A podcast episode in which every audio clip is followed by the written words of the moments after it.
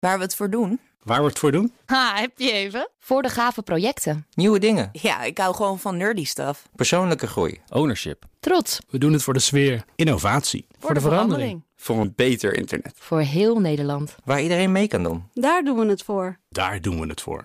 Waar doe jij het voor?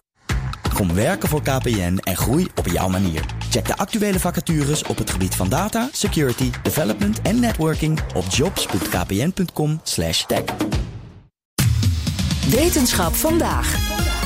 Is er leven op andere planeten? Ja, wanneer vragen we ons dat niet af? En ook wetenschappers proberen altijd op verschillende manieren antwoord op die vraag te vinden. En recent onderzoek naar onze eigen planeet geeft nu de mogelijkheid van weer een nieuwe aanvliegroute. Daar gaan we over praten met wetenschapsredacteur Carlijn Meinders. Hey Carlijn. Hallo. Onderzoek naar onze eigen aarde dus. En wat hebben ze daarin precies bestudeerd? In dat onderzoek draait het om zuurstof. En dan specifiek om de hoeveelheid ervan en hoe dat door de tijd heen is veranderd. Want nu bestaat een bepaald percentage van de atmosfeer uit zuurstof, 21 procent. Maar in het vroege begin van het leven op aarde was dat misschien wel heel anders.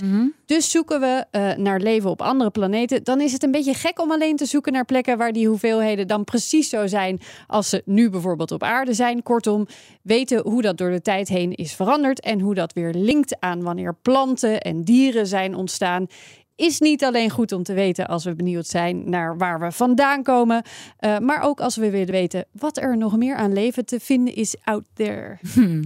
En uh, hoe hebben ze de hoeveelheid zuurstof in het verleden dan bestudeerd? Dat is ja. echt moeilijke, moeilijke vraag, lijkt me. Zeker. Uh, dat doen ze aan de hand van het in detail bestuderen van gesteenten en het maken van computermodellen.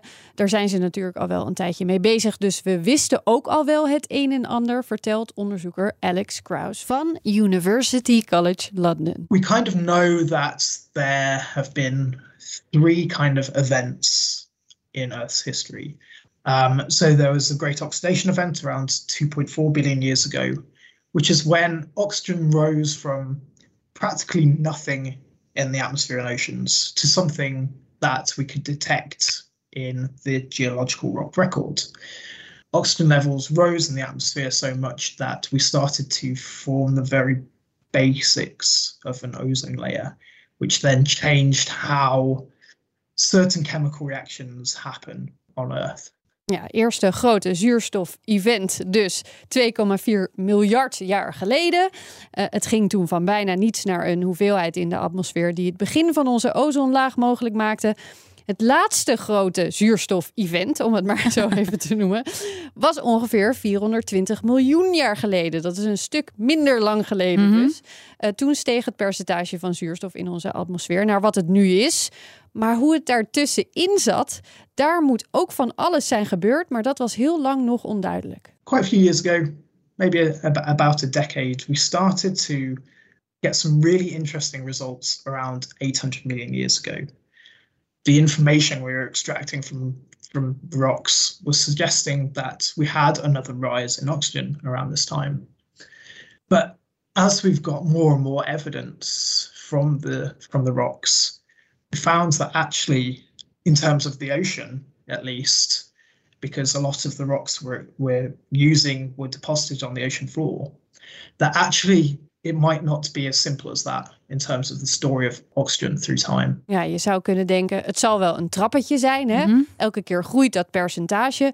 Maar na het maken van een behoorlijk indrukwekkend model van de aarde en de atmosfeer en het bestuderen van heel oud gesteente, met name sporen van fotosynthese daarin en het bekijken van vulkanische activiteit in het verleden bleek dat niet zo te zijn, die stijgende lijn. Nou, wat zagen ze dan wel? Ja, nou, het is uh, natuurlijk sowieso een hele interessante periode, dat stuk daartussenin. Want in die tijd moet de aarde ook zeker twee keer helemaal bedekt zijn met ijs. Behoorlijk lang ook, miljoenen jaren. En pas na de tweede ontdooiing, om het zo maar even te zeggen, zijn er dieren ontstaan, is er leven ontstaan. Er gebeurt in die tijd dus echt enorm veel. En daarom is het nog belangrijker om te weten hoe het nou precies zat met die zuurstof in die periode. En dit hebben ze daar nu over ontdekt. Just like in the oceans, atmospheric oxygen levels are really variable.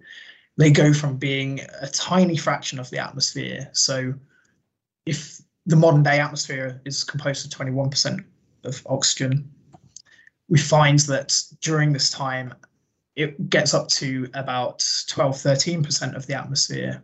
But then within a few tens of millions of years, which on a geological timescale is really, really rapid, it crashes to a tiny fraction of the atmosphere, so around about 0.3%.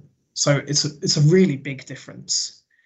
And it kind of continues this dance of jumping between quite high levels to really quite low levels for quite a long time. Dus geen stijgende lijn, geen trappetje, maar een soort golfbeweging. Precies. Uh, veel meer schommelingen in die periode in het percentage. Dat was een behoorlijke verrassing. Pas zo'n beetje als het plantenleven ontstaat, stabiliseert dat. Zo'n 450 miljoen jaar geleden. En daarmee laten ze dus zien dat we misschien wel een aantal planeten al met hele andere zuurstoflevels dan we, waarvan we dachten dat die nodig waren om leven te creëren, ten onrechte een beetje hebben uitgesloten van onderzoek. Uh, en die nieuwe informatie die kan weer worden meegenomen bij de toekomstige zoektocht, in ieder geval, uh, naar planeten waarop leven te vinden. Oké, okay, dus de selectie die kan weer helemaal uitgebreid ja. worden. En er was nog een ander onderzoek dat liet zien dat ze bijvoorbeeld ook uh, naar broccoli-gas willen kijken. Gas dat door broccoli onder andere wordt ja. uitgestoten. uh, dat uh, kan ook een teken van leven zijn. Is vrij vluchtig. Dus als je dat vindt, dan is het nog maar net geleden dat er leven was. Dan moet het wel net gemaakt zijn. Dus we, zijn weer, we moeten weer alles uitbreiden, helaas. Dankjewel, Carlijn. Bij BNR ben je altijd als eerste op de hoogte van het laatste nieuws. Luister dagelijks live via internet. Bas van Werven. En heel langzaam komt de zon op rond dit tijdstip. Je krijgt inzicht in de dag die komt op BNR, het Binnenhof in Nederland en de rest van de wereld. De Ochtendspits. Voor de beste start van je werkdag. Blijf scherp en mis niets.